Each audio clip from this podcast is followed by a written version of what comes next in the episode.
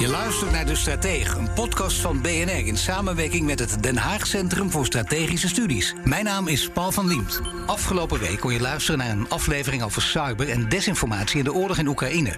Dat deden we met kolonel en universitair docent militaire strategie Han Bouwmeester en met analist Loek Fase van het Den Haag Centrum voor Strategische Studies. Ik maak altijd een beetje een onderscheid tussen de tactische cyberoperaties en uh, de strategische. Of ja, dat ja. doe ik toch. En de tactische moet je echt denken wanneer het een ondersteunende functie levert. Uh, dus moet je denken het platleggen door, of het hacken van radarsystemen van je vijand, waardoor je een luchtaanval veel makkelijker kan uitvoeren, bijvoorbeeld.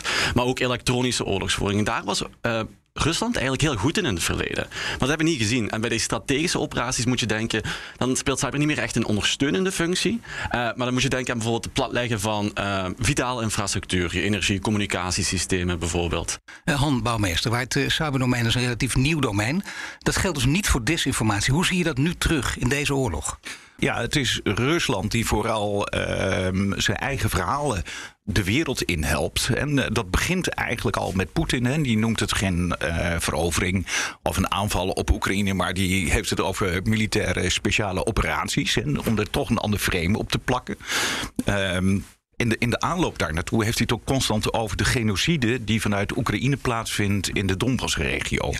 En dat roept natuurlijk heel veel emotie op. Dat zie je vaker bij desinformatie, dat het appelleert aan emotionele gevoelens. Han Bouwmeester en Loek Fase zijn ook nu bij me. En we gaan luisteraarsvragen behandelen. Want wil je jouw vraag terug horen in de podcast? Stuur dan een tweet naar BNR De Wereld. De eerste vraag, heren, welkom. Veel experts hadden een oorlog, zoals we in Oekraïne zien, die hadden ze niet meer verwacht. Al nou 2022. En nu willen alle westerse landen meer in defensie gaan investeren. Moeten we dat meer investeren in die ouderwetse defensie in plaats van cyber dan we van tevoren gedacht hadden? Han Bouwmeester?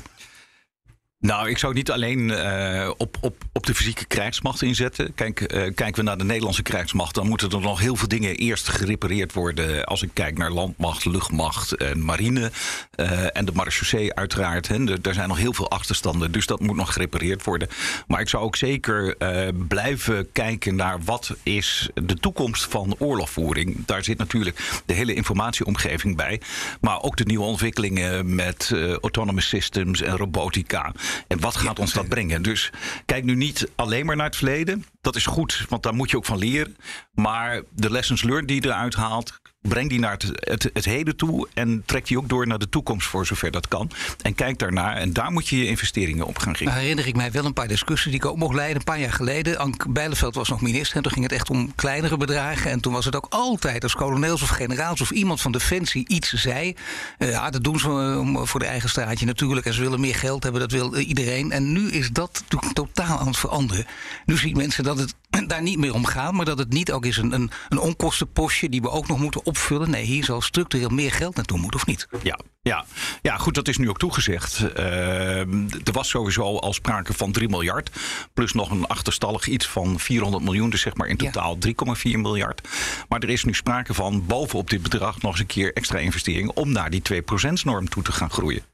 Loek, ik heb voor jou een, een, bijzondere vraag die jij volgens mij heel goed kan beantwoorden. Namelijk, welk land is het beste als het gaat om cyber of information warfare? Welk land is er één land in de wereld dat er met kop en schouders bovenuit steekt? Ja, ik zou wel even een onderscheid tussen de twee maken. Dus als cyber is het echt gewoon, laten we zeggen, harde effecten kunnen uh, bewerkstelligen door bijvoorbeeld uh, te hacken. En information war is meer de beïnvloedingsoperaties, right? Uh, voor die eerste, laten we zeggen, cyberoorlog veruit de VS. Um, nog steeds. kop en schouder boven iedereen uit. totale dominantie vind ik.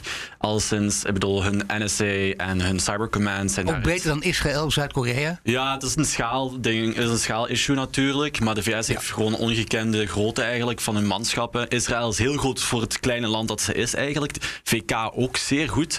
Uh, maar uh, ik vind de VS nog altijd het meest gesofisticeerde als het neerkomt op de operaties. En als je daarnaar kijkt, bijvoorbeeld Stuxnet of Flame in het verleden richting Iran bijvoorbeeld zijn ja, toch wel ongeëvenaard. En hoe staat Rusland ervoor? Echt een stuk minder? Of? Nee, Rusland is, is een, ik zou zeggen, close second. Uh, ja, close second, staat tweede plaats. Boven China vind ik nog altijd wel. Rusland heeft gewoon een enorm sterke inlichtingengemeenschap. En dat is de drijfveer achter cyber- en informatieoperaties. Dit is een vak wat uit de inlichtingengemeenschap komt. Dit is niet militair bijvoorbeeld, maar dat komt echt vanuit de diensten.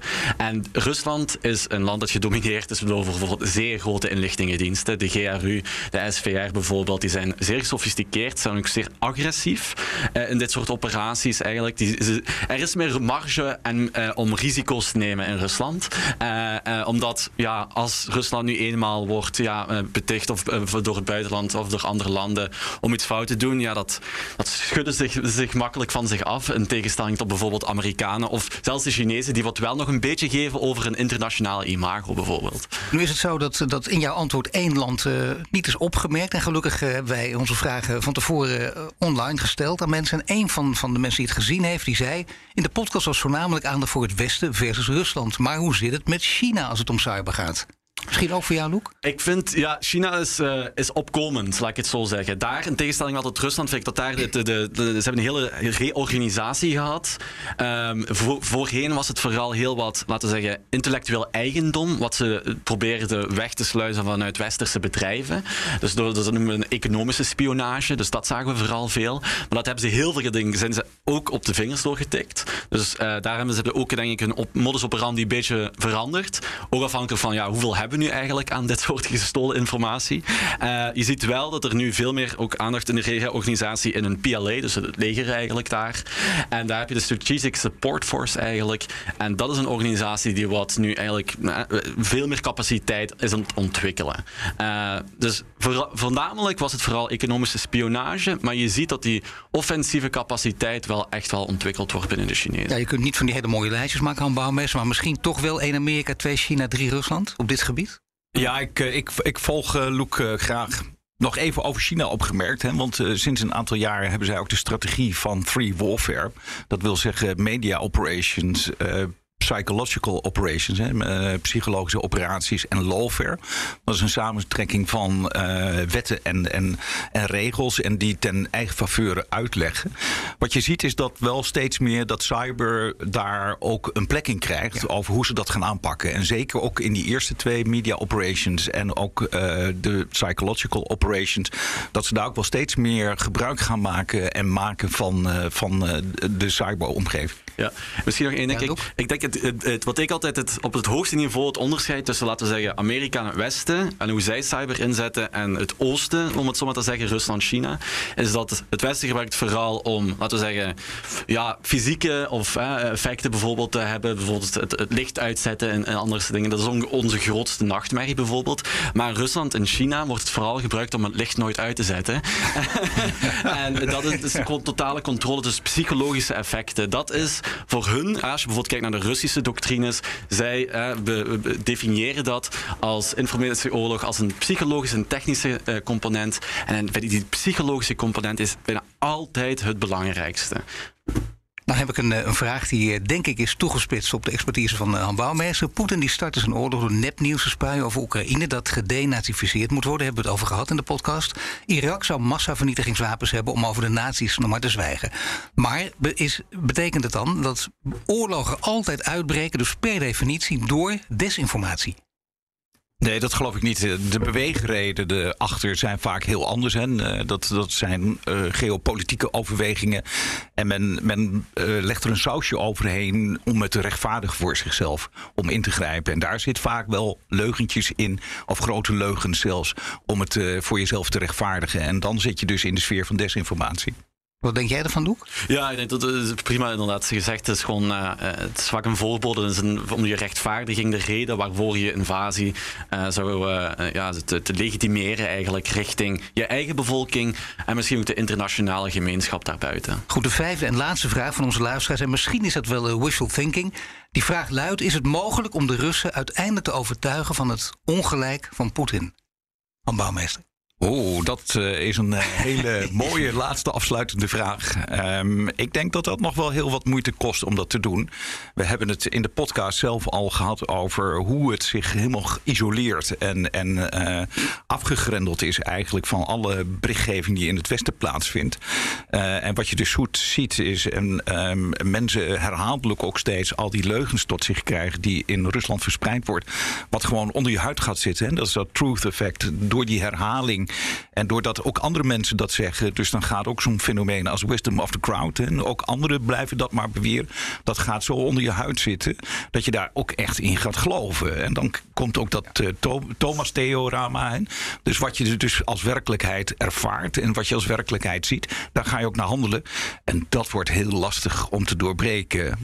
Ja, heel lastig. Uh, het is eigenlijk uitgesloten, of niet, Luc? Ah, is inderdaad bijna wel zo goed als misschien. Je ziet, misschien ook is het wel een generatieding, uh, wat jij uh, in de podcast inderdaad al hadden besproken. Ja. Bij de oudere garde gaat dat er veel moeilijk uitgaan. Er zijn bijvoorbeeld heel... De grens ligt bij 45, hoorde ik van nee, maar er zijn voorbeelden bijvoorbeeld van een Oekraïnse of een Russische familie waarvan nu de zoon bijvoorbeeld in Oekraïne woont en de vader woont nog in Rusland. En zelfs als een zoon tegen zijn vader probeert uit te leggen van hè, dit, dit, dit, zien wij, ja, de vader gelooft het gewoon niet. Right? Dus als je dit zo'n sterke banden al niet kunt weerleggen, ik denk bij de jongere garde is dat misschien nog wel iets meer kritisch denkvermogen zou zijn, maar ik denk dat het zeer moeilijk gaat gaan. Ja, wat ik daar nog op wil aanvullen, nee, ik ben het helemaal met je eens, uh, Luc. Uh, wat ik wil aanvullen is, is als je naar die Russische autoriteiten kijkt, uh, die zijn allemaal ver boven de 45. Dus de mensen die de dienst uitmaken in Rusland, die zeker aan de top, die zijn allemaal zo'n beetje tussen de 65 en 75. Ja, die geloven hier onverkort in. En die zitten ook echt wel in die doelgroep boven de 45. Dus dat zal dus heel lastig worden om die autoriteiten daar ook te van overtuigen. Ik denk dat in de jongere generatie dat daar wel wat meer pluriformiteit in zit. En dat, dat daar ook wel wat anders denkende. Hoewel je daar ook zeker in die Russische maatschappij op dit moment heel voorzichtig mee moet zijn. Omdat niemand dat nog durft aan te geven. Want je hebt zo die 15 jaar gevangenisstraf opgelegd gekregen. Precies. Ik dank jullie hartelijk. Han Bouwmeester, kolonel en universitair hoofddocent militaire strategie aan de Nederlandse Defensieacademie. En Loek Fase, strategisch analist bij Den Haag Centrum voor Strategische Studies. Wil je jouw vraag ook terug horen in de stratege? Stuur dan een tweet naar @bnr de Wereld. Volgende week zijn we er weer met een reguliere aflevering. En wil je intussen meer afleveringen van de Stratege terugluisteren? Je vindt hem op Apple Podcasts en Spotify, maar ook in de BNR-app of op bnr.nl. Abonneer je meteen en tot de volgende keer.